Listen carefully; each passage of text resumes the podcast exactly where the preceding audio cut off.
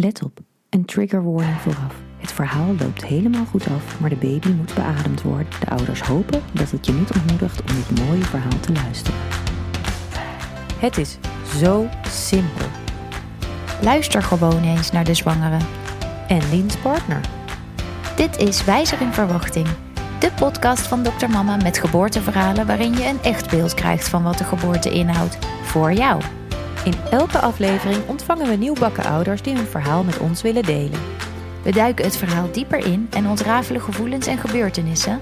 En tevens slaan we een brug tussen de ouders en de medische wereld. Wij zijn Brechtje En Meerte. van Dr. Mama. Artsen die je echt goed voorbereiden op de geboorte.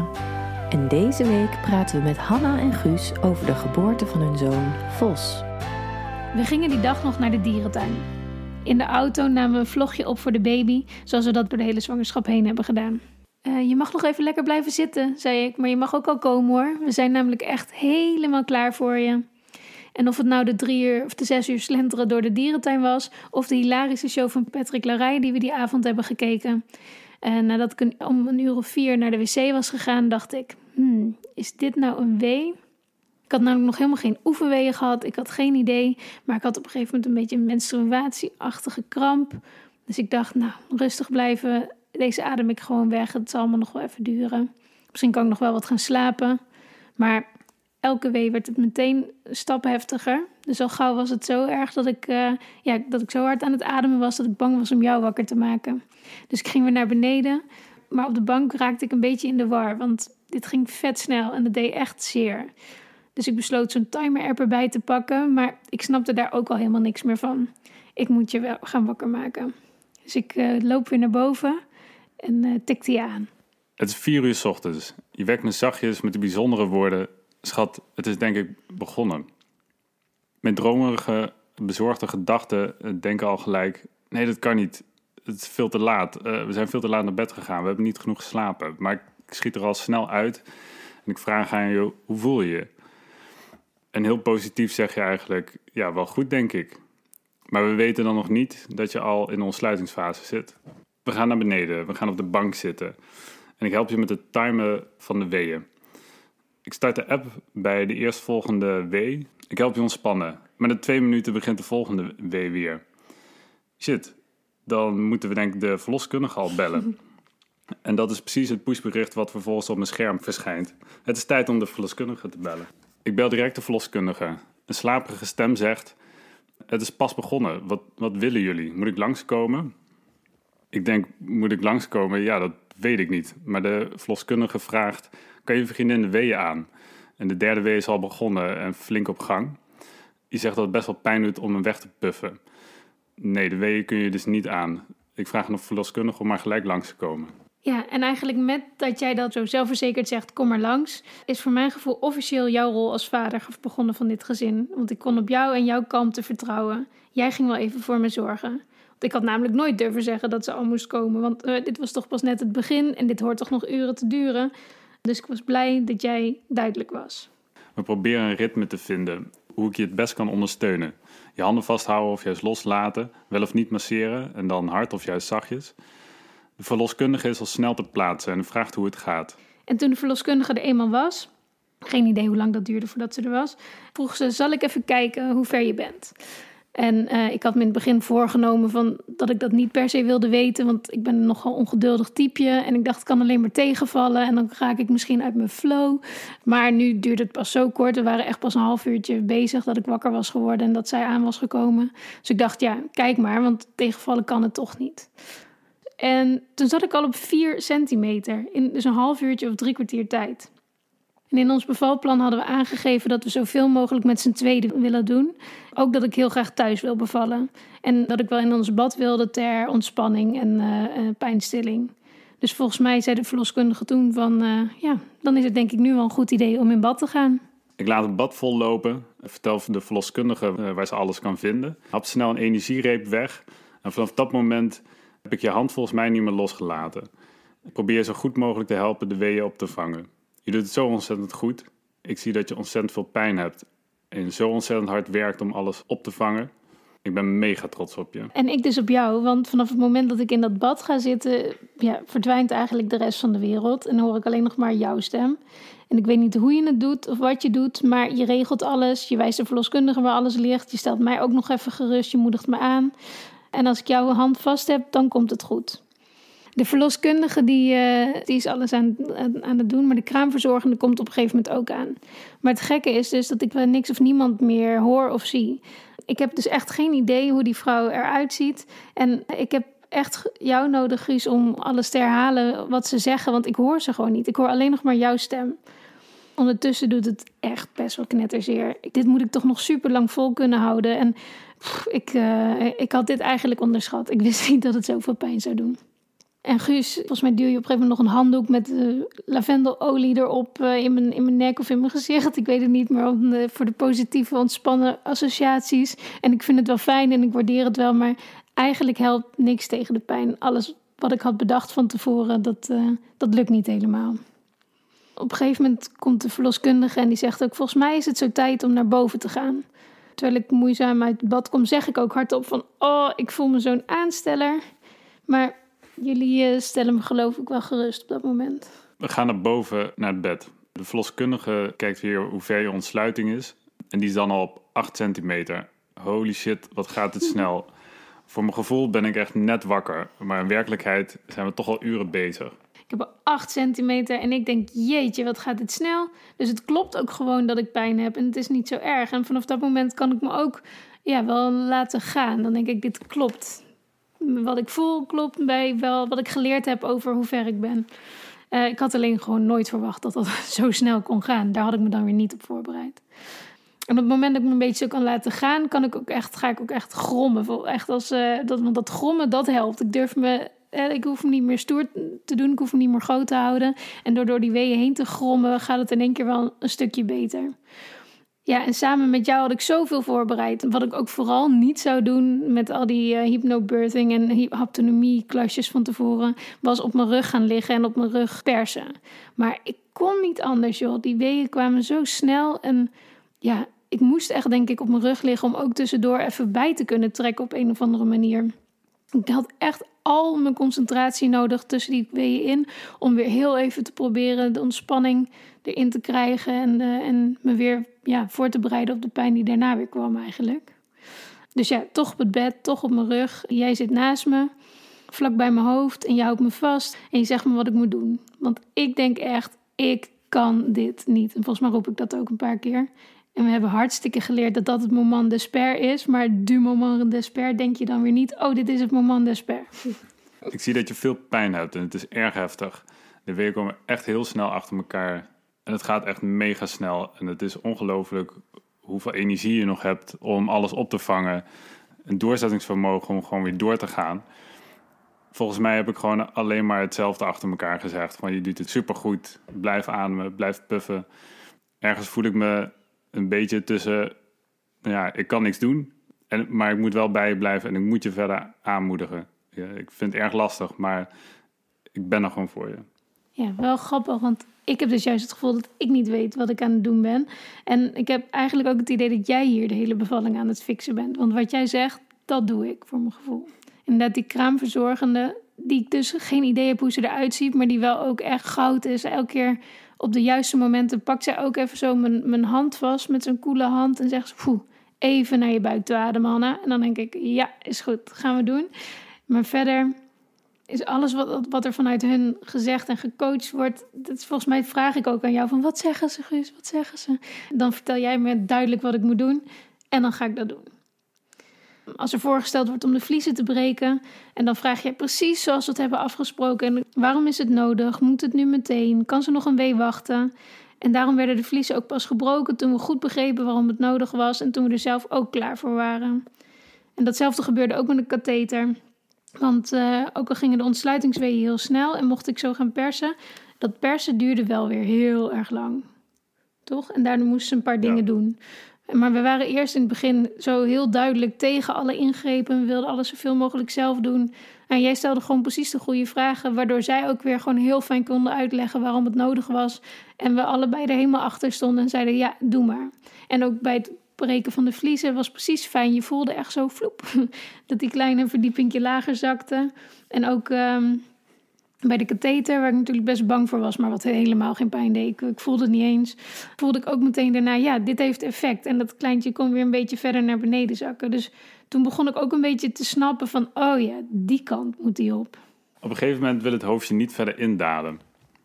En we moeten wat keuzes maken. De, verloskundige die stelt voor om de vliezen te breken en later om een katheter aan te brengen.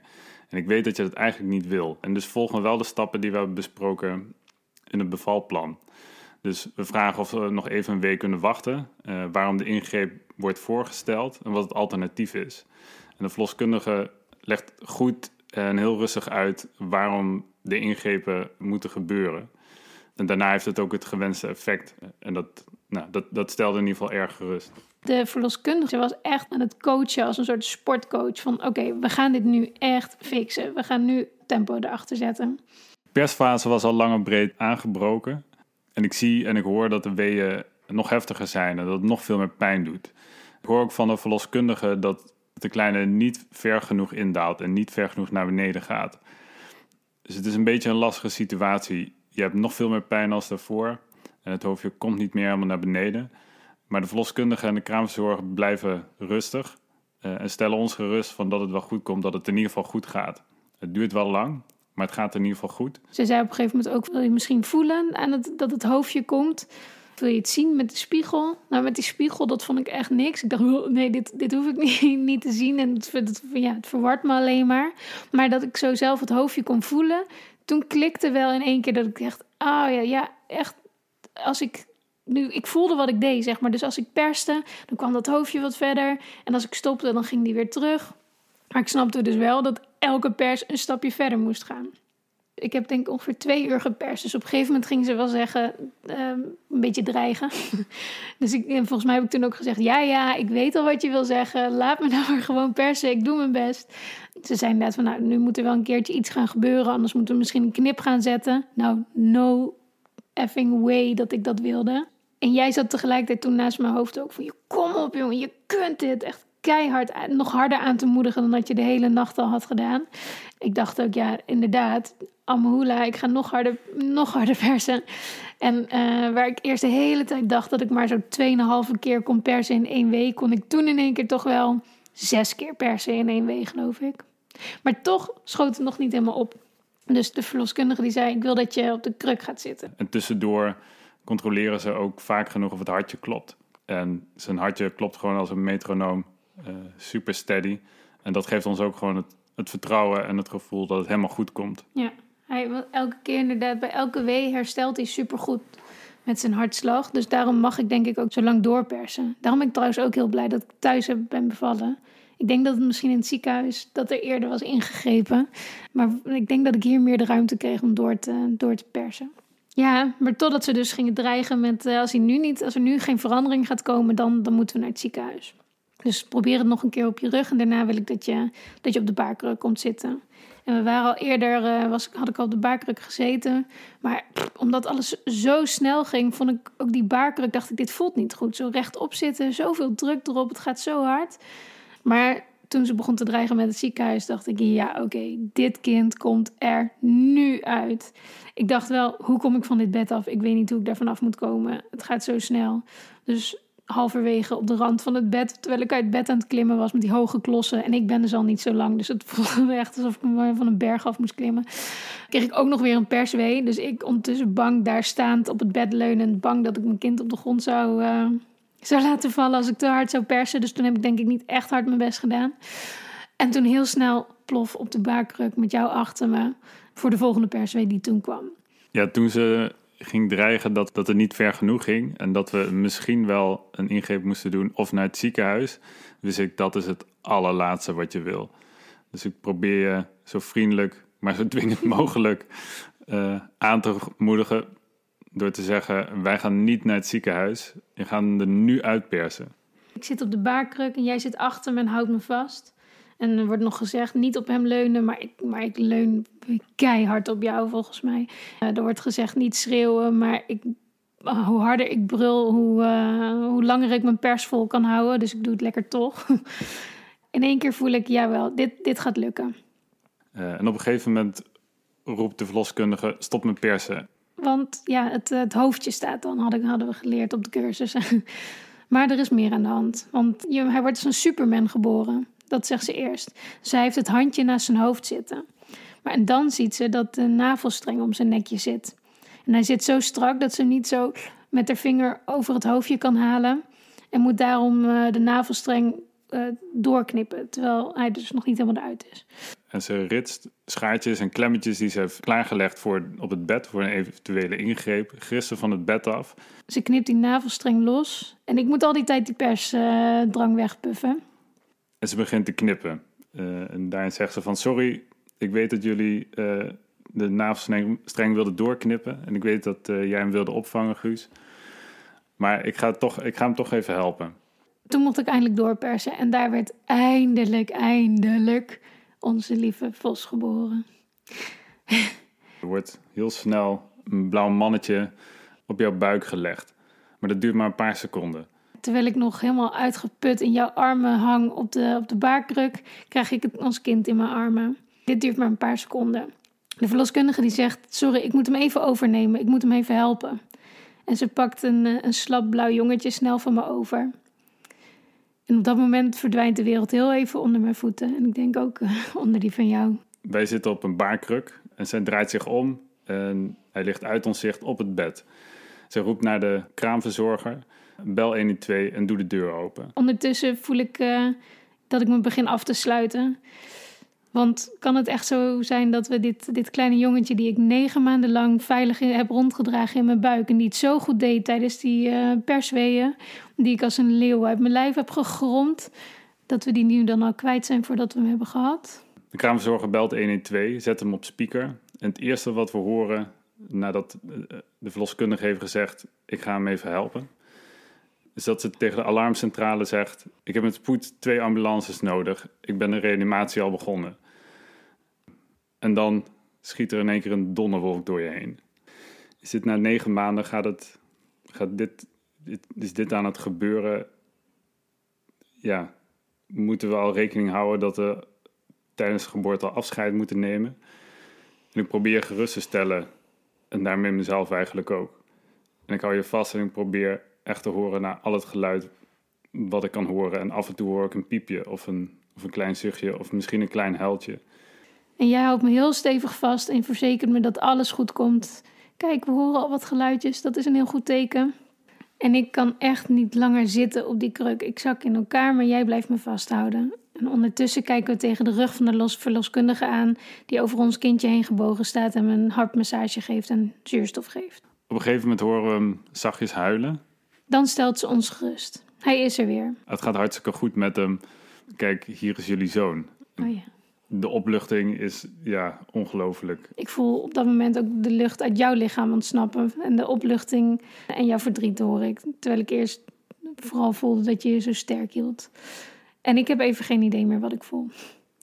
De kraamhulp hangt een badjas over mijn schouders voordat de ambulancemedewerkers straks binnenkomen. En dat was maar goed ook, want binnen een paar minuten stond er een politieagent binnen. En een paar minuten later zes ambulance mensen, medewerkers. Op dat moment leggen jullie me op een hoekje van het bed waar ik kan liggen eindelijk. En dan zie ik onze kleine liggen. En wij kunnen heel even op het bed zitten en krijgen onze zoon voor het eerst even bij ons. Maar ik voel dus even niks. En, en ik schrik heel erg van het dat ik niks voel. Want waar is die blijdschap en waar is die onovertroffen liefde die, je nu, uh, ja, die nu door me heen hoort te spoelen? Wij zijn blij dat, dat het goed met hem gaat, maar er staan ambulance-medewerkers in volle paraatheid. Uh, zij zien ook dat het goed gaat, maar zeggen wel, nou we kunnen de traumahelikopter kunnen we afzeggen, wat ook weer uh, een beeld schept van hoe erg en hoe nijpend de situatie is. Maar het gaat wel goed met hem. Ja, klopt. Dat gevoel had ik ook heel erg. Dat je aan de ene kant denkt, het gaat toch goed? En aan de andere kant heel erg wordt bevestigd door alles wat om je heen gebeurt... dat er eigenlijk iets heel engs aan het gebeuren is. Maar je hersenen hebben dat nog niet helemaal door of zo op dat moment. Nee. Ja. Ik heb in ieder geval de vuur gehoopt dat dit gewoon allemaal met de sisser af is gelopen. En dat eigenlijk het ambulancepersoneel tegen ons zegt... het gaat hartstikke goed met hem, jullie kunnen gewoon lekker thuis blijven. Mm. Maar toch zeggen ze, we nemen hem even mee naar de IC... want we moeten toch even kijken hoe het met hem gaat. Dan wordt hij weer uh, Door eh, de ambulancemedewerkers wordt hij gepakt en in doeken gewikkeld. We nemen hem wel vast mee naar het ziekenhuis, goed? En ik denk echt, help. Ik herken hem nog helemaal niet. En straks kan ik hem niet meer terugvinden in het ziekenhuis. En er schiet een beeld door me heen dat wij de IC opkomen en dat we onze zoon zien en dat we hem niet herkennen. Dus het enige wat ik wil is bij hem blijven. En ik vraag aan jou of je het goed als ik met hem meega. Want iedereen gaat ervan uit dat jij bij mij blijft ondertussen. Maar gelukkig vraag jij, mag ik niet met hem mee? En dan denk ik, ja, ja, ja, inderdaad, ga met hem mee. En gelukkig wordt de ambulance nog snel tegengehouden en kun jij bij Vos in de ambulance springen.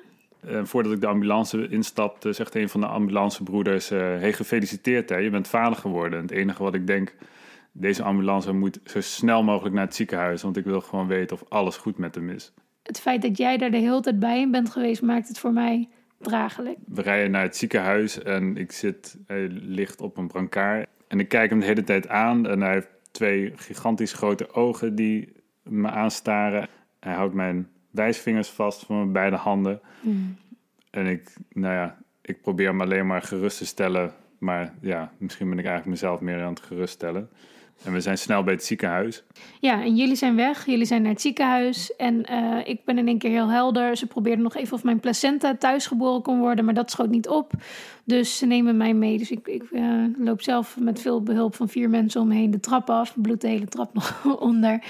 Uh, de kraamverzorgende die blijft achter. Die zegt, ik ga hier alles weer recht trekken voor jullie. Komt allemaal goed. En de verloskundige gaat ook mee naar het ziekenhuis. Zegt, ik zie je daar en ik kom jullie weer verder helpen. Daar aangekomen krijg ik van de ambulancebroeder een uh, knuffelbeer in mijn handen gedrukt als eerste kraamcadeau. Echt? En die heb, ben ik ergens uh, kwijtgeraakt of zo. Want ik zit nog steeds van, uh, ja, wat is iedereen hier aan het doen? Help mijn kind. Help mijn kind. we moeten kijken of er niks, niks mis is. En ja, ik ben een beetje verward, want we komen de IC op en IC-medewerkers hebben te horen gekregen dat, uh, dat Vos het eigenlijk hartstikke goed doet.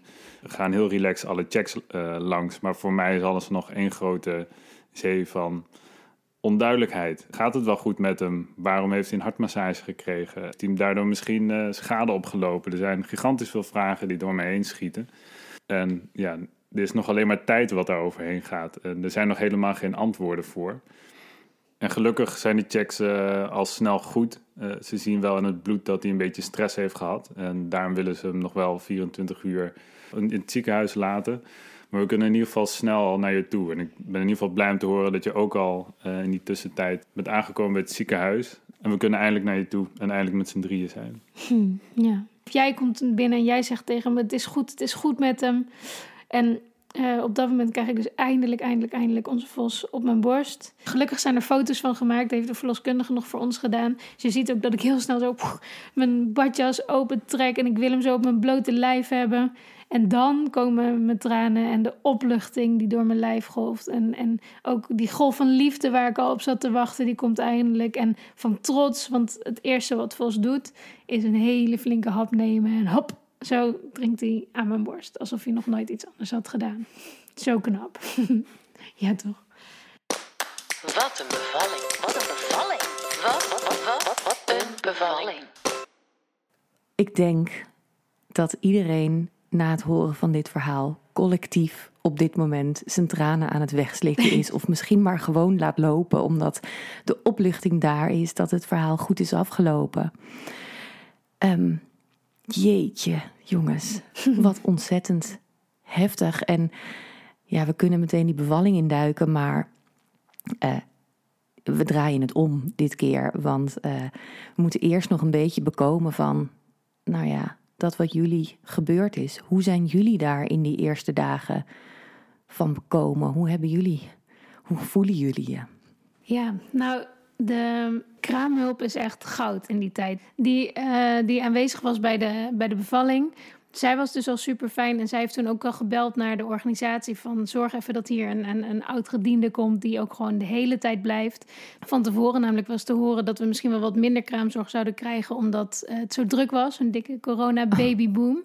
Maar uh, wij kregen volle bakzorg en extra dagen en het was een hele fijne rustige vrouw die ook, wat ik heel fijn vond, ook heel erg zorg had voor Guus, voor jou om, hmm. die ook aan jou vroeg van hoe gaat het met je en uh, heb jij wel genoeg gedronken, slaap jij eigenlijk wel, vind je fijn om even een boodschap te doen. Dus dat, zij hield heel erg rekening met hoe we ons gewoon voelden. En we hoefden niet aan een strak programma ons te houden, maar we mochten vooral heel veel tijd nemen om, uh, om lekker samen te knuffelen. Het drong daar ook echt op aan. Gewoon van, nu is het Mhm. tijd om uh, dat jullie even slaapje doen. Nu is het tijd om even te ontspannen. Ja, het was niet echt een keuze. Het was ook echt...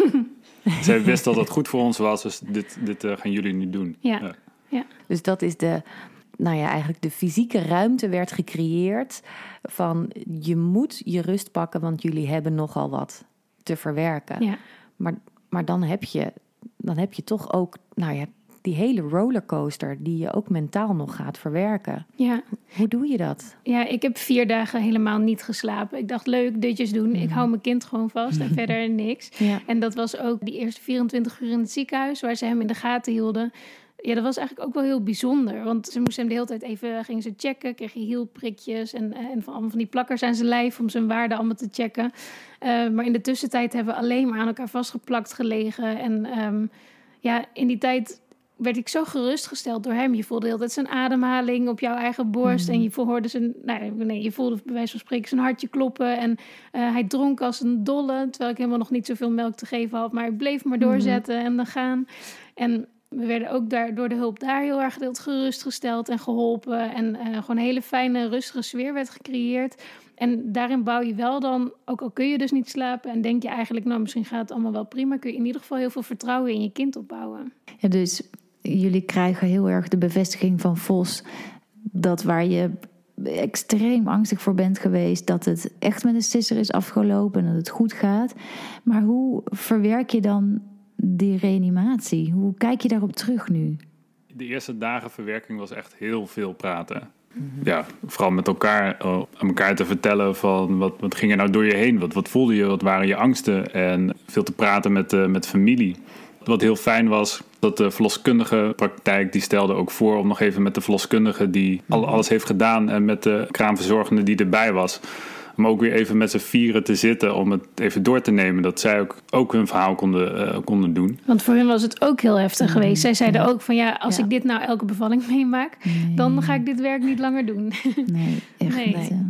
Dus het was voor hen ook heel, hè, ook, ook in het ziekenhuis toen, uh, volgens mij toen de verloskundige ook zag dat, dat het met die borst goed ging en zo. Hè, toen zag je ook, toen werd zij ook emotioneel. Oh, het was voor haar ook ja. een moment van, oké, okay, het is achter de rug. Ja. Ja. ja, want zeker is dat voor een hulpverlener ook bijzonder stressvol. En gelukkig iets wat niet per se heel vaak voorkomt. Wat, wat ook wel blijkt uit het feit dat zij ook verwerkingstijd nodig heeft.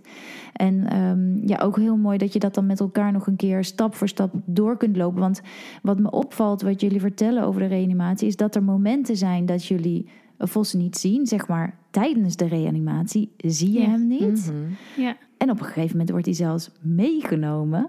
Mm. Maar misschien eerst dat je hem niet zag. Nou, dat zijn ook wel echt precies denk ik, die twee dingen die je nu noemt. Dat hem niet zien op dat moment en daarna van we nemen hem mee. Dat zijn denk ik ook precies de dingen waar ik nog wel wat langer last van heb gehad. Waar ik ook wel eh, echt gewoon hulp bij heb gekregen. Want dat zijn inderdaad de momenten dat je best wel machteloos voelt en je kunt niks doen. En, terwijl, en hoe beter je hem later leert kennen, hoe beter je weet hoe je moet troosten, waar die behoefte aan heeft. Dus het werd eigenlijk later pas moeilijk. Toen ik dacht, och, ik had hem zo vast willen houden en voor hem willen zijn. Terwijl alles wat er gebeurde was super. Weet je, iedereen die hem hielp was kordaat wat er moest gebeuren. En er werden dus ook goede keuzes gemaakt. Dus het, we hadden niks anders kunnen doen. Maar het gevoel dat jij niks kan doen als kerstverse moeder was wel lastig. Maar door daar gewoon even goed verdrietig ook om te mogen zijn. Ja. Daar even goed bij stil te staan dat dat ook gewoon verdrietig is. En het daarna in te halen met miljoenen knuffels. Ja. En heel veel eh, eh, huid-op-huid contact. En, en nog steeds eigenlijk. Hij is nu vijf maanden en eh, Mhm. nog steeds zitten we aan elkaar vastgeplakt. Mhm. Dat, eh, dat werkt gewoon heel helend. Ja. Ja. Ja, want Guus, jij ehm, besluit dan op het moment dat ehm, Vos eigenlijk weggehaald wordt. Het vreselijk woord, maar zo voelt het. Ja, Neem hem gewoon mee. Dan besluit jij, oké, wil gewoon mee. Ik ga, en ik ga het zeggen en ik ga het doen. Ja, Kun je daar iets over vertellen? Ja, het was gewoon een hele bizarre situatie. Want eh, binnen vijf minuten stond er in één keer een eh, agent in je kamer. Ook vanuit het niets. Eh, in één keer, ja, we hebben niet een hele grote slaapkamer. Dus met nog zes ambulanceboeders erbij en twee verloskundigen en die agent en ons. Nou, het stond het in één keer helemaal vol. En er staan acht mensen met elkaar te overleggen. En nou, ze zeggen in één keer van ja, we nemen hem mee. En jullie zien hem wel bij de IC. En eh, toen schoot er in één keer een beeld door me heen van... dan wordt hij straks nou, voorgereden of, of dan komen we Ja. bij een bed en dan zeggen ze dit is hem. En dan herken ik hem niet. Ik zeg ja, dat, dat, dat wil ik gewoon niet meemaken. Dus ik dacht alleen maar één ding. Ik, ja, ik wil gewoon met hem mee. Ja. Maar ja, ik, ik wilde Hanna natuurlijk ook niet alleen laten. Ja, ik, ja, Het is een Dus, soort ja, ik tweestrijd even. ja, zeker. Ja, ik had het even ja, aan je voorgelegd. En toen eh, was ik heel blij dat, je, dat dat ook jouw wens was. Ja, dus, ja. eh, Nou ja, precies. Want dat, jij voelt natuurlijk ook in je tenen. Nee, want het, het andere is niet eens alleen maar... je herkent je kind niet. Je, je pasgeboren baby alleen Ja. achterlaten in de wereld. Ja, dat is onverteerbaar. Ik moet ook eerlijk zeggen dat ik denk... mag dit beleid forever aan alle kanten bijgesteld worden... dat je nooit kinderen alleen in een ambulance laat gaan... Nee, of nee. nooit denkt, we gaan een pasgeboren gezin weer scheiden... Ehm, wat zo bijzonder is, is dat wat je daarmee gedaan hebt, niet alleen maar door hem niet alleen te laten, maar jij, Guus, hebt ook de mogelijkheid gepakt om alle gaten te kunnen vullen die Hanna heeft. Ja. Want jij bent daar van minuut tot minuut hem in je op aan het nemen, terug te kijken naar zijn grote ogen, hem geruststelling te geven, alles waarin ja, Hanna voelt dat de machteloosheid compleet is, omdat ze thuis achter moet blijven.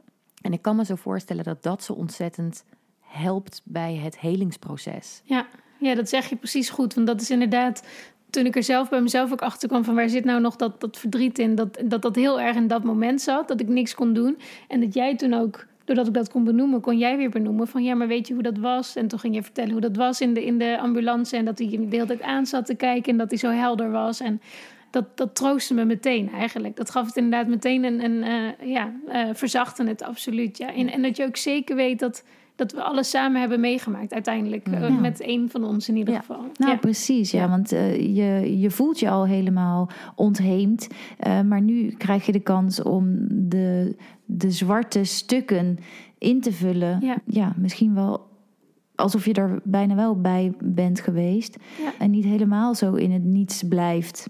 Ja, je, je zegt het ook. Dat maakt het voor mij draaglijk. Ja. Ja. Ja, dat kan ik me goed voorstellen. Hey, en goed, dan maak jij je eh, begrijpelijkerwijs nog steeds onwijze zorgen. En zeg je ook, ja, dus ik heb zoveel vragen, maar er zijn eigenlijk nog helemaal geen antwoorden. Iedereen doet wel relaxed, maar eigenlijk wil je gewoon iemand door elkaar schudden en zeggen... Is het goed en blijft het goed en komt het allemaal goed? Ja, het is een beetje een gekke situatie. Want ook- op de IC ja, er wordt dan allemaal monitors wordt die, eh, aangelegd. Allemaal plakkers overal, draadjes. Je krijgt allemaal hielprikjes. Super zielig ook natuurlijk. En er komen allemaal waardes uit en verschijnen allemaal cijfers op een beeldscherm. Ik denk, nou, hier, hier moet iets over gezegd worden. Eh, heeft hij misschien kans op neurologische schade bijvoorbeeld of iets anders? Ja, ik wil gewoon weten wat ik, wat ik kan doen voor hem. En ja, het blijft gewoon onduidelijk. Ja. En, en het is heel moeilijk om, om ook, ook voor de artsen om, om er iets over te zeggen. Ja, precies. En ja, dat, Ja. Is, dat is ja, ook heel logisch. Maar je bent zo geschrokken van de situatie. Daarom is het voor mij misschien ook makkelijker. Want tegen de tijd dat ik in de kamer aankom en jullie tegelijkertijd binnengereden worden, krijg ik alleen maar te horen: het is goed, zeg maar. Het is goed, maar we houden het nog even in de gaten. Dus voor mij was dat veel minder, eh, denk ik, minder afwachten of zo. Ja. Ja, plus jij... Ja, ook, de, de eerste samples waren afgenomen en die, en die gingen dan naar het lab. En dan zeggen ze, ja, dan komen daar later resultaten van. En dan, resultaten zijn, nou, je moet nog even blijven. En, Dus dat blijft ook allemaal uit en zo. Dus die, die vragen die blijven wel door je, door je heen spoken. Ja, want je zegt denk ik goed, Guus. eh, ook artsen kunnen niet een soort van garanties geven voor de toekomst. Eh, die, zij moeten ook het een beetje aankijken. En eh, de tijd zal het leren. En Hanna, jij laat je vervolgens ontzettend geruststellen door... behalve dat iedereen zegt dat hij het goed doet... maar ook hem te voelen en zijn ademhaling... en dat hij aan de borst gaat, wat natuurlijk fantastisch is. W- wanneer kwam dat moment voor jou, Guus... dat je je liet geruststellen door Vos of... Nou, het was al telkens als ik Vos eh, vast had... of dat we even met z'n drieën waren... dat ik ook gewoon zag dat hij, dat hij het goed deed. Maar ik, ik merkte wel elk moment dat ik de kamer uit was... of even alleen was, eh, toen herleefde ik dat moment wel de hele tijd. En vooral het stukje, ja, de wetenschap... die, die eerste paar dagen leef je zeg maar een soort realiteit waarbij je weet, mijn zoon is geboren zonder hartslag. Mm. En na twee dagen telde de verloskundige van een, van een verslag ook, nou, zijn hartslag is eigenlijk altijd geweest. Ja. Eh, maar hij was gewoon heel laag. En waarschijnlijk met wat zuurstof eh, wa- was het ook gelukt. En die reanimatie was echt gewoon een voorzorg. Ehm, Ja. Waarvan we heel blij zijn van dat het ook is gebeurd. Maar het heeft wel even twee dagen geduurd Ja. voordat ik echt dat los kon laten. Nou ja, zo belangrijk is dan dus ook die aanvullende informatie. Dus het kunnen duiden wat er gebeurt, want dat is denk ik ingewikkeld bij zo'n reanimatiesetting. Je, je beschrijft, eh, Hanna, ook heel mooi hoe je ja, er eigenlijk bijna niet op die baarkruk kan blijven zitten, want je bent ook net bevallen. Weet je, er is net een, een vrachtwagen over je heen gereden. Wel een roze gekleurde, want het was een mooie bevalling, maar eh, het was wel een, een uitermate inspanning. Even denken, waar Ja, ik dat- in godsnaam heen? Waar En je bedoelt dat je, dat, je die, eh, dat je het kan plaatsen omdat zij uitlegt wat er gebeurt. Ja, precies. Ja. Dus er ontstaat zoveel vertraging vanaf het moment dat de baby überhaupt geboren is. Je hebt hem heel kort bij je, maar ook dat moment is bijna niet te bevatten natuurlijk. Hoe dat dan gaat. En dan komt het stuk dat hij eigenlijk ook uit je zicht beademd wordt en die reanimatie gestart wordt. En dat horen jullie meer op basis Ja. van wat er geroepen wordt dan wat je kan zien. Ja. En ook daarin kan je dus geen feedback krijgen van Vos. Je doet ook dat op het gehoor. De feedback is wanneer hoor ik hem pruttelen. Ja, ja. En ik denk dat inderdaad precies die informatie van er is altijd een hartslag geweest. Baby's hebben soms echt een opstartprobleem en dan wat extra's nodig. Dat dat misschien al wel heel veel weg had gehaald in die eerste twee dagen qua onzekerheid. Want ja, geen hartslag voelt inderdaad echt als teruggehaald uit de dood. ja. En nu is het een rampzalig begin geweest, Mhm. maar Ja. wel, hij was er al die tijd. Ja. Hij had even een extra zetje nodig. Nou ja, Ja. kijk, en Ja. ik, nu jij dat zo zegt, Guus, eh, merk ik bij mezelf bijna dat er een soort van opluchting ontstaat. Omdat eh, Meert en ik eh, beluisterden dit verhaal en hadden allebei ook op dat punt zoiets van: hè, maar zijn hartslag is de hele tijd goed geweest. Weet je, tot Ja. helemaal tot en met. Dat kan dan dit toch niet? Mini Mini Masterclass, Mini Mini Masterclass met Dr. Mama. Halleluja, de baby is geboren. De grote opluchting is daar. Je baby wordt bij je op de borst gelegd en terwijl jullie proberen te bevatten dat de wereld voorgoed veranderd is, tikt de tijd gewoon door en krijgt jullie baby na één minuut op deze aardkloot al het eerste rapportcijfer toebedeeld. De APCAR-score. De APCAR-score zegt iets over de conditie van jullie baby. Er zijn 10 punten te verdienen, verdeeld over vijf categorieën. Te weten ademhaling, hartslag, de kleur van de baby, de tonus of spierspanning en reactie op prikkels. Aangezien dit allemaal rondom één minuut na de geboorte gebeurt, maak je dit als ouders vaak niet bewust mee, omdat jullie nog full-blown in de aardverschuiving zitten. Maar voordat dat eerste rapportcijfer wordt gegeven, krijgen baby's één minuut de tijd om te landen. Er gebeurt namelijk nogal veel in een babylijf om de overgang van baarmoeder naar landleven te maken. Zo verandert er van alles in de circulatie van de baby. Er vloeit geen bloed meer terug naar de placenta, de bloedsomloop in het hart verandert door het sluiten van structuren en de longen met al zijn minuscule langblaasjes moeten ontvouwen, terwijl het laatste vruchtwater opgenomen moet worden in de wanden van de longen. Dat zijn nogal wat aanpassingen en daar krijg je dus ook even de tijd voor. Baby's waar een krappe score van verwacht wordt omdat het einde van de bevalling al een verslechterde conditie liet zien, worden nog scherper in de gaten gehouden. Zo gauw als de baby bij de ouder op de borst gelegd is, wordt de baby drooggevreven, waarbij de hulpverlener voelt of de baby slap is, dan wel of hij op prikkels reageert. Wanneer de baby slap is, geen reactie geeft en niet huilt, wordt de minuut verder niet afgewacht omdat ingrijpen nodig is. Ingrijpen volgens ABC. Airway, Breathing, Circulation. Ingrijpen betekent dat er focus is op deze primaire eerste ondersteuning. Is de ademweg open? Soms moet de baby uitgezogen worden, wat ook een vorm van prikkeling geeft, waardoor baby's soms daarna zelfstandig gaan ademen. Wanneer dat niet gebeurt, dan wordt er overgegaan op beademing. Dat is nog niet hetzelfde als reanimatie, maar shit hé, het zal je als ouders enorme schrik om het hart geven op het moment dat je een beademingsballon op je baby geplaatst ziet worden. Primair is er bij baby's een probleem met de ademhaling en moeite met het maken van de transitie. Door de actieve druk die het blazen met de ballon geeft, ontvouwen de longblaasjes zich versneld, wordt het bloed van zuurstof voorzien en vaak geeft dat prikkeling aan het ademhalingscentrum om zelfstandig te gaan ademen. Indien de baby alleen hulp nodig heeft door wat beademing, dan zal de baby relatief snel roze kleuren en na vijf beademingen op gang komen. Dat is snel, maar het zal voelen alsof de secondes voorbij kruipen, alsof er een vacuüm is waarin gedachten, geluiden en gevoelens vertraagd doorkomen. Een tijd die je soms daarna nog vaak zal herleven, omdat het een forse kras op de ziel kan geven, omdat je voelt dat het leven aan een zijden draadje hangt. Realiseer je dat pasgeborenen immens krachtige, gezonde wezentjes zijn, die ook na een stressvolle bevalling met deze ademhalingshulp nog steeds vallen onder baby's die een prima start maken. Vaak is de APGAR-score na 5 minuten boven de 7 en hoeft er geen extra actie genomen te worden. Fysiek dan. Mentaal is het goed om hier veel over te praten of om uitleg te krijgen als je het als traumatisch hebt ervaren. Indien de hartslag van de baby onder de 60 slagen is, zal de baby ook echt gereanimeerd moeten worden door middel van hartcompressies en moet er extra hulp komen. De verloskundige die bij je thuis de bevalling begeleidt, is net zo vaardig in deze handelingen als wanneer je in het ziekenhuis bevalt. Gelukkig is een reanimatie na een gezonde zwangerschap echt een zeldzaamheid, maar het kort ondersteunen van de baby in de transitie komt in ongeveer 10% van de gevallen voor. Op dit moment lopen meerdere studies naar het opvangen van de baby, zowel voldragen baby's als prematuur geboren baby's, waarbij de navelstreng niet doorgeknipt wordt.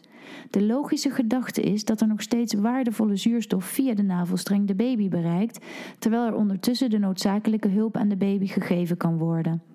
Het dicht bij de ouders in de buurt uitvoeren van de opvang en het intact laten van de navelstreng voor extra zuurstoftoediening. Het kan bijna niet anders dan dat dit zowel fysiek als emotioneel voordelen met zich meebrengt.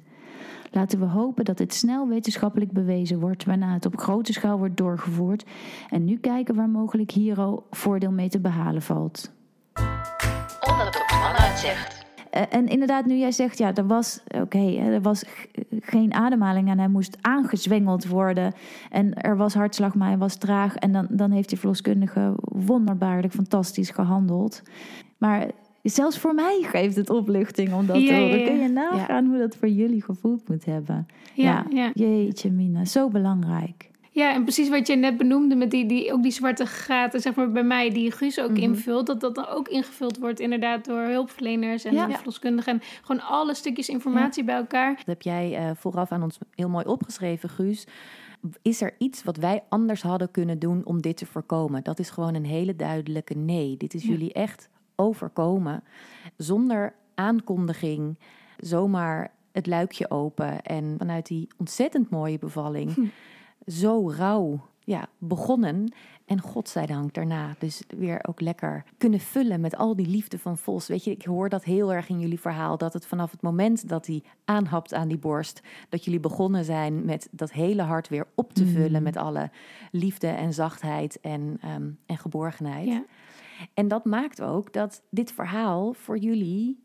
als je terugkijkt naar de hele bevalling... Ja, dan zeggen jullie toch positief. eigenlijk toch positief. Ja, dat is misschien best gek soms. En anders zou ik het denk ik ook niet zo ja, delen. Maar het, het is gewoon, het voelt echt als een. De zwangerschap was geweldig. Alles ging. in- We waren in een week ongeveer zwanger. Dat ging allemaal helemaal goed. Eh, dat kon ik allemaal niet geloven. Ik voelde me best wel goed. Dat kon ik allemaal niet geloven. Eh, hij kwam ook nog eens lekker te vroeg. Ik hoefde niet lang te wachten. Het ging super snel. En oké, er was iets verschrikkelijks tussenin. Maar doordat we ook daarna zo goed zijn opgevangen... en we hebben er zoveel met iedereen over gehad inderdaad... en voelt het echt als, een, als toch gewoon een heel mooi verhaal... waarin ik ook gewoon heel trots ben op onszelf en op Vos... en op, en op de mensen... Eh, ik vind het soms nog, als we langs het verloskundige eh, bureau rijden... Mm. Dan denk ik, oh, zo even langs gaan om mooi te zeggen. Want ik heb heel erg het idee van, ja, je hebt een band met elkaar. Maar ja, zij doen dit natuurlijk honderd keer een dag. Maar ja, ik weet niet. Ja, want inderdaad, eh, Meerte, jij zei... jullie nemen dan op een gegeven moment als de hele rollercoaster van reanimatie... naar het ziekenhuis transporteren. En dan komt dat punt dat je met z'n drieën bij elkaar bent. En dan vind ik ook zo mooi dat de wolk waar je opzit tijdens die geboorte en hoe fantastisch het is en hoe eh, onwijs goed de ondersteuning is en het gevoel en de verbinding met elkaar en dan even die kras. En, maar dat herstellen jullie daarna dus ook door Ja. inderdaad heel erg met z'n drieën de start zoals je hem voor je had gezien gewoon opnieuw te doen. Ja, ja, dat zeg je eigenlijk wel goed. Want ik heb wel veel ge- flink gebaald. Als, als ik weer iets belangrijk vond, was het dat gouden uur. En weet je wel, daar alle rust nemen samen. En het daar gewoon mooi op inrichten. Daarom wilden we ook graag thuis bevallen. Ja, dat voelde even van shit, dat mislukt of zo. En, maar het klopt eigenlijk wel dat we dat zelfs in het ziekenhuis alsnog eigenlijk de, de rust en de tijd voor hebben gehad om dat wel weer in te starten. En, en dan in die, die kraamtijd eigenlijk ook thuis nog weer. Ja. Opnieuw en opnieuw en opnieuw die verbinding Ja. zoeken met elkaar. Ja, ja super mooi. Want ja, die bevalling, als we dan even over het hele mooie deel van dit verhaal mogen praten, dan is dat toch wel wonderbaarlijk. Hoe kijken jullie daarop terug? Was echt eh, vanaf moment één. Ja, dat is misschien net een beetje anders voor, voor mij dan voor jou. Want toen je mij wakker maakte, was het gewoon echt al aan. En dat was, eh, dat was zo intens, echt de hele tijd achter elkaar. Nou Ja, toen je me wakker maakte, had je waarschijnlijk al een paar centimeter ontsluiting. En het is echt gigantisch hard gegaan. Dus ook, ook jouw pijn. Het was een- echt mega intens. En dan als je achteraf terugkijkt, ja, dan was, ja, dat was hartstikke goed gegaan. En alles wat we hebben besproken, hadden we heel veel houvast aan. Die hele voorbereiding. Ik denk, ja, omdat we zo'n goede voorbereiding hadden gedaan. Met alle credits voor jou. Bedankt. Omdat het ook zo snel is gegaan, is het ook goed gegaan. En alle Ja. kleine dingetjes die zouden kunnen gebeuren, hebben we gewoon besproken. Waardoor ik ook wist wat jouw wensen zijn op het moment dat je niet meer echt helder kan denken. Dat je gewoon helemaal je, je kracht en je aandacht nodig hebt voor die bevalling. Dat ik wel weet wat jij wil. Ja. Ja, precies, dat was echt heel goed te horen in jullie verhaal. Dat je, dat je tot aan de punt en de komma eigenlijk echt alles wist. Ja. eh, en samen hadden doorgesproken. Nou, je herhaalt in het verhaal ook best vaak, Guus, hoeveel pijn Hanna heeft. Hoe je, hoe, zeg maar, dat, dat maakt dus veel indruk op je. Ja. Ehm, wat deed dat met je? Ja, je vriendin, degene van wie je het meest houdt, zie je gewoon zo ontzettend veel pijn lijden. En dat ja, is een mix van machteloosheid, maar ook ontzettend veel drang om het op te lossen. Maar ja, je kan ook helemaal niks. Want eh, het enige wat, ik, ja, wat- je kan doen is, is, is gewoon bij je zijn en jou ondersteunen. Wat ik denk is, ehm, kijk, die pijn dacht ik van tevoren, dat kan ik wel aan joh. En die pijn viel toch wel een beetje vies tegen. Dat zal waarschijnlijk iedereen zeggen. Vooral het feit dat het zo snel ging, kon ik me er gewoon. Ik wist niet hoe hard dit nog door ging gaan. En ik zat me erop in te stellen dat dit nog 12 uur minstens ging duren. Ja. Dus ik denk dat dat ook een beetje de, de pijn of de hoe was wat jij bij Ja. me zag. En wat je dan niet weg kan nemen. Omdat ja, het is ons, was onze eerste keer. Dus Ja. je weet niet eh, hoe ver het nog door zal schieten, zeg maar. Terwijl Nee. als ik nu een tweede keer zou bevallen... oh, hopelijk lukt dat ooit nog... Zou ik, het, zou ik denk ik ook minder onder de indruk zijn van de pijn. Ja. Dan valt het dus dan toch wel weer mee. Ja, dat zijn echt je verwachtingen. Hè? Dus je hebt verwacht dat je het in ieder geval aankon en misschien wel niet als extreme pijn zou ervaren. Dan is dat niet zo. En dat overvalt je of dat besef je dat je dat onderschat hebt. En dan vind ik het ook zo vet dat je op een gegeven moment zegt: Oh, eh, ze vinden me vast een aansteller. Ja. Totdat je be- begrijpt, oh, maar ik zit op het moment despair. Dan accepteer je dus dat je niet een aansteller bent, maar dat je onwijs hard aan het bikkelen bent. En eh, alsof je jezelf toestaat dat je dus zoveel Ja. pijn mag ervaren. En dan is het ook ineens draaglijker of be- beter te doen. Ja, klopt. Dat, dat was ook echt. Dat was een soort van knop die dan omgaat. En, en dan is het nog steeds wel van... Jezus, wat gebeurt er allemaal? Maar dan weet je wel van... Oké, we zijn ook echt gewoon flink op gang. Dus het mag ook best wel even zeer doen. Want dat eh, doet wel zijn werk. En het was toen ook wel fijn dat de verloskundige op een gegeven moment zei... van joh, probeer eens of persen... Ik had niet echt persdrang of zo. Maar ze zei, probeer eens of persen helpt bij de pijn. En dat hielp als een dolle. Dus toen was het ook echt van... Oké, we, we gaan er gewoon voor. En dat, ja, gewoon inderdaad daaraan overgeven. En dus, maar wel dus ook snappen waar je zit. Dat dat dus ook allemaal niet meer zo heel lang gaat duren. Ja, dat gaf wel weer een nieuwe puff. Ik moet ook wel zeggen, die bevestiging die de verloskundige dan ook geven, is ook wel fijn. Want je ziet wel iemand ja, zo ontzettend veel pijn hebben. En dat je denkt, ja, dit ga je toch niet heel lang volhouden. Gewoon, het, is, het is gewoon veel te intens. En die verloskundige zegt, nee, het gaat hartstikke goed. Ja. Eh, ga Ja. gewoon lekker Ja. door. Dus, eh, dat, ja, dat is wel fijn om dat ook wel af en toe te horen. Ja, het feit dat Ja. zij rustig blijven en niet doen alsof er iets vreselijks aan de gang is, dat steunt jou dan ook in het gevoel: oké, eh, blijkbaar hoort het erbij en ik doe alles wat ik kan. Het, het geeft gewoon een uh, bepaalde vertrouwen eh, erin, waardoor we zeggen, ja, nee, oké, dan, dan Ja. gaan we gewoon door. Ja. ja, en grappig dat jij op een gegeven moment zegt, en dat vind ik denk ik heel tekenend voor de rol van de partner: ik kan niets doen, maar ik voel ook dat ik niet weg kan. Ja. En Hanna zegt dan vervolgens: Ja, jij bent die bevalling, jij bent die bevalling aan het doen. Ik niet. Ik heb geen idee wat ik aan het doen ben. ja. Alles draait om jou. Ja, maar ze voelden dat Ja. echt gewoon dat we zaten gewoon echt. Ik had echt gewoon een gekke doofheid. Dat is niet iets, Mhm. dat is niet een metafoor of zo. Het was gewoon echt een, een. Ik zag niet verder dan jouw hoofd. Dus als jij zei, je gaat nu zo ademen, je gaat nu dit doen. Oké, doe Mhm. Ja. ik. Weet je, ja. dat was toch echt heel fijn. Ja, ja Ja, fantastisch. vaak was ik gewoon, gewoon een trechter van de verloskundige ook. Die Mhm. zeiden van, Hanne, je moet nu zo ademen. En dan Herhaalde. ja, haalde ik het en dan deed je het pas. Ja, mooi. Zo'n vernauwde blik. Maar je, je moet ook zo'n hyperfocus of zo creëren. Ja, en jij bent daarin eh, echt een extreme steunpilaar. Dat Ja. hoor je wel heel duidelijk. Ja, en je weet alles van de hoed en de rand, eh, zowel van het proces als de wensen van Hanna. Eh, want er komen een aantal interventies langs waarvan jullie eigenlijk zeiden, nou ja, eh, die willen we op voorhand liever niet. Dus het breken van de vliezen, echt alleen als het echt moet. Eh, Hetzelfde met eh, het katheteriseren. Ehm, maar de allergrootste no-go is het ziekenhuis. Ja. Zo gauw als daar wat dreiging op klinkt dat er misschien, nou ja, haast gemaakt moet worden omdat het thuis het persen te lang duurt.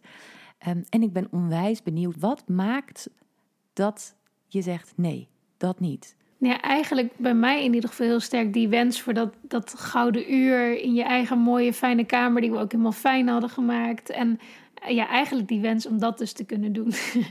en, eh, maar ook wel echt het vertrouwen dat we thuis minder interventies zouden krijgen en meer rust zouden krijgen. En dat is ook wel zo gebleken, denk ik. Dat we het meer op onze eigen manier mochten doen. En dat eh, ik was heel bang dat iemand in één keer een kamer in zou komen, vliegen, een knip zou zetten en weer naar de volgende door zou gaan. En eh, weet je wel, dat je daar maar mee moest doen. Want is En, dat het beeld wat je hebt van wat er met je gebeurt als je in een ziekenhuis terechtkomt? Ja, misschien een beetje. Dus dat ze van, oh, er gaat nu, is nu 20 minuten voorbij. Dat betekent dat we zus. Of Mhm. ja, dat, ik denk dat je iets meer in protocollen Hmm. zou Want, zitten. eh, heb je zo'n sfeer ervaren op het moment dat jullie, eh, zeg maar eigenlijk, eh, een groot deel van de kraamtijd met Vos daar hebben gedaan? Nee, nee, eigenlijk eh, nee, dat was... Nou ja, het lag een beetje aan wie er, eh, wie er in de kamer was eigenlijk. We, we hadden echt een geweldige verpleegkundige s'nachts... die gewoon dat ook al honderd jaar deed en dat helemaal uitstraalde. En mij eh, zei van, joh, als, het, als je het spannend vindt met die borstvoeding... gooi je weer toch even een kolf aan, hou ik je kind even vast. En die stond daar gewoon ook twintig minuten dan gewoon stil te zijn. Ze zei, praat maar even niet tegen me, doe maar gewoon... Weet je, gewoon zo een hele relaxe, ondersteunende sfeer. Heel erg aangepast op wat ik wilde en niet... Ja, nee, dat was eigenlijk hartstikke fijn. Ja, ja. Ja. ja super mooi. Een brug tussen de ouders en de medische wereld, die gebouwd is op vier pijlers. Hoe symbolisch wil je het hebben?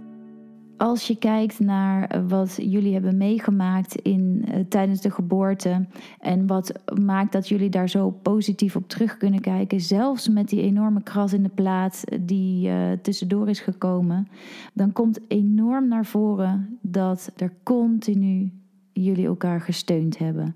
En natuurlijk, Guus, jij vooral tijdens de geboorte was jij de steun voor Hanna.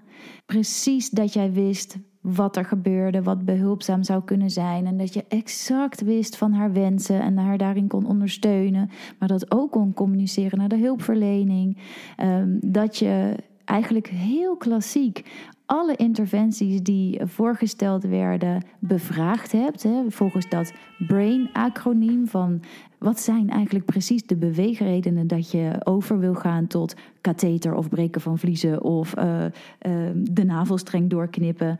Ehm, wat zijn de risico's? Zijn er ook alternatieven? Die ben je gewoon heel keurig, netjes, strak langs gegaan, waardoor het voor jullie vervolgens makkelijker werd om meegenomen te worden in die beslissing en er dus ook volledig achter te staan en niet achteraf erop terug te kijken en te denken, ja shit, dat hadden we anders moeten doen. Dus daarmee heb jij echt je belang bewezen.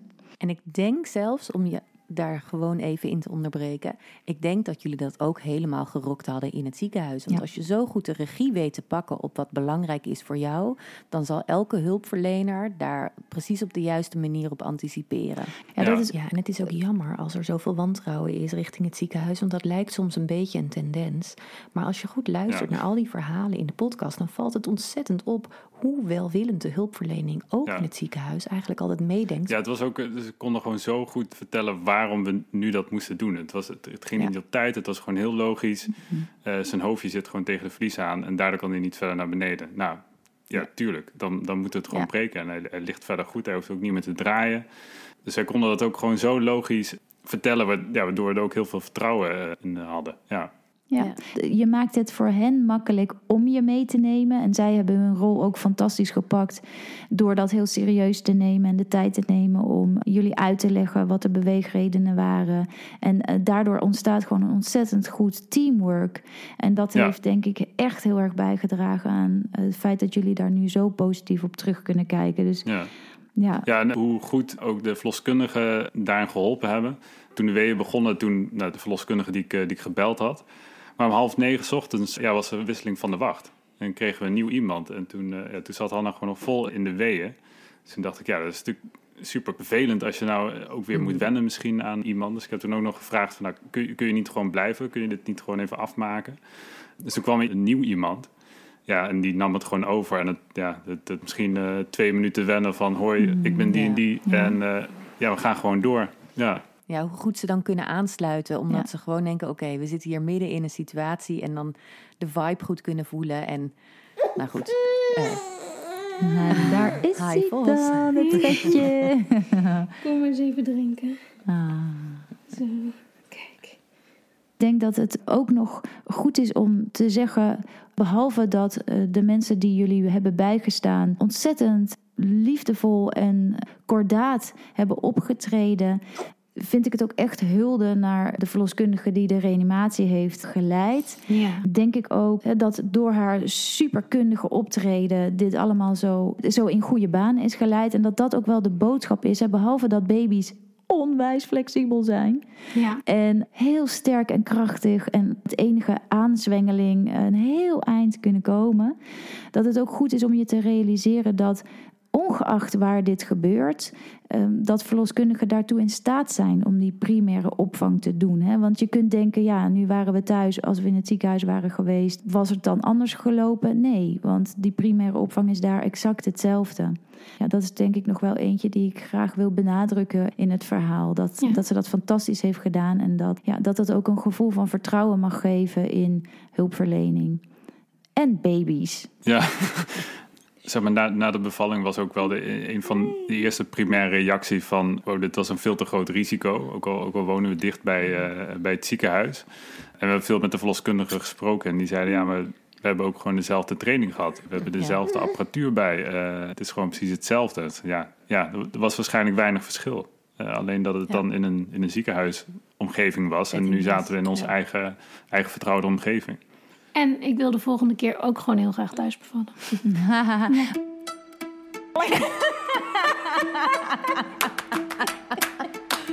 later lachen we erom. Is er een goede anekdote? Ja, ja, ja zeker. Nou, ik, eh, ik moest er wel even over nadenken van lachen we erom. Maar uiteindelijk dacht ik, nou ja, toen ik, eh, toen ik in de ambulance lag, toen heb ik naar mijn ouders zo'n selfie gestuurd met echt zo'n pie-steken omhoog. Zo'n selfie, een beetje vaag lachend eh, eh, in de groepsapp van mijn ouders en mijn zusje gegooid. Zo van, joh, wij zijn even naar het ziekenhuis toe, maar maak je maar niet druk of zoiets. Ik wilde uitstralen dat ze zich vooral niet druk hoefden te maken. Maar die snapte er natuurlijk helemaal niks van. Die wist helemaal niet dat ik aan het bevallen was. Dus die dacht, wat gebeurt hier? Nou, succes meid. En eh, nou ja dat, was, ja, dat was eigenlijk wel erg grappig. Dat, dat, dat je in zo'n moment nog zulke gekke, zulke gekke dingen Oh doet. man. Maar goed, ook Ja, het zijn twee dingen die door mijn hoofd gaan. Dus er zit en het stukje bij dat je eigenlijk losgetuned bent van de hele situatie. Dus dat je dat eigenlijk ook wel wat je zegt. Dat je, ik weet even niet meer wat ik voel. Ik vertrek steeds meer naar achteren. Ja. En ja, in die gekkigheid inderdaad heel even een soort van outreach doet. Waarbij je dus ook inderdaad dan denkt aan dat soort details. Met, oh, ook doe even een oproep. Doe heel eventjes een, nou, hey peace. en eh, Maak je geen zorgen. everything is fine. Maak je geen zorgen. Ja. En dan later dit verhaal Ja. vertellen. ja. ja, precies. Ja, dat was voor hun ook wel even een, eh, hoe noem je dat? Een boemerang. In één keer zo'n eh 180. Man. Ja. Ja, Ja. Maar wat een happy end. Ja, Ja. absoluut. Meest happy end. echt ontzettend Zo'n happy vet end. kind. ja. Het, het is voor mij vooral ook dat goed dat dit verhaal wordt verteld. Omdat dit is ook het leven. Dit is ook hoe de dingen gaan. Waar je geen controle over hebt. Maar desondanks kun je daar toch eh, met een goed gevoel op terugkijken. En niet alleen natuurlijk omdat het goed is afgelopen. Maar ook door de manier waarop jullie eh, ja, daar doorheen gegaan zijn. Samen. Ja. Ja. Zeker. Ah, Jeetje. jongens. Ik denk dat we er doorheen zijn. Ja. Ik vond het echt heel bijzonder dat jullie dit verhaal wilden delen. Het is zo intens en zo persoonlijk, maar dus ook zo mooi. Het is ook gewoon echt een heel mooi verhaal. Ja, vinden wij ook, toch? Ja, het is ook, om, het, om het zo te delen, het, ja, bepaalde symboliek. Ook wat we, ja, de hulp die we ook hebben gehad met de podcast die jullie maken. Ja. Eh, ook wel echt een tijd overheen gegaan om eh, dit een plek te geven. En eh, Mhm. nou, dit is ook eh, symbolisch. Maar, ook, ja, misschien nooit een afsluiter, Ja, ja, maar toch een nee. ja, wel een soort maken. volgende stap of zo. Ja. Ja. ja. Ja. Nou, Dus jullie bedankt dat we het mochten nou, bespreken. nou, zo. heel bijzonder dat jullie dat zo zien. Ja. Ja, lieve mensen, dat was hem alweer voor dit seizoen Geboorteverhalen. We hopen dat de verhalen jullie wijzer in verwachting hebben gemaakt. Voor een nieuw seizoen zoeken wij ouders die met ons willen praten over gelijkwaardig ouderschap. En dan niet hoe goed jullie dat afgaat, maar de dirt. Het stuk waar velen van ons tegenaan lopen. Want vraag de aanstaande ouder van nu of ze gelijkwaardig zijn aan elkaar en ze zullen volmondig ja zeggen. Maar realiseer je dat er als heterostel geen ander moment in je leven is waarop jullie biologische verschil zo sterk naar voren komt en maatschappelijk wordt versterkt als wanneer je samen een kind krijgt. Vrouwen baren, borstvoeden en bemoederen, mannen bevruchten, beschermen en betalen. Je onttrekken aan deze genderstereotypering in het aanstaande ouderschap vergt een behoorlijke inspanning en dat geldt voor zowel mannen als vrouwen. Hoe kan het dat er zoveel goede intenties zijn? De helft van de heteroseksuele ouders wil het gelijkwaardig verdelen. Maar het lukt maar een schamel aantal. Hoe kan dat? En wat is dat dan, een gelijkwaardige verdeling? Wat zijn de valkuilen waar je in kan stappen? En bij wie ligt welk privilege? Wij onderzoeken graag samen met jullie de geniepige valkuilen en ontrafelen stereotype aannames en hopen daarmee de emancipatie een zet in de juiste richting te geven. Willen jullie meedoen? Mail ons dan op podcast.drsmama.com of stuur een DM op Instagram. Heel graag tot het volgende seizoen.